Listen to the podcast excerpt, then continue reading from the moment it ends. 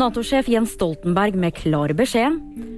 Teatersamtale med Sumaya Jirde Ali er avlyst. Og så mange nordmenn sier de vil boikotte VM i Qatar. Natos generalsekretær Jens Stoltenberg er klar på at missilnedslaget i Polen ikke er Ukrainas skyld.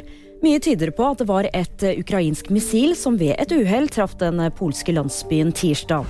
Russia bears ultimate responsibility as it continues its illegal war against Ukraine.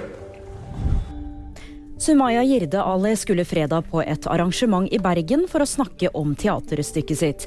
Men nå er det avlyst, ifølge Den nasjonale scenen, som viser til den pågående situasjonen. Tirsdag ble det nemlig kjent at Ali har anmeldt komiker Atle Antonsen for hatefulle ytringer. Nesten én av fem norske TV-seere over 18 år sier de skal boikotte fotball-VM i Qatar. Det viser en landsomfattende spørreundersøkelse som Respons har gjort på oppdrag for VG. Qatar er bl.a. anklaget for svært kritikkverdig behandling av migrantarbeidere. Det var VG nyheter, og de fikk det av meg, Julie Tran.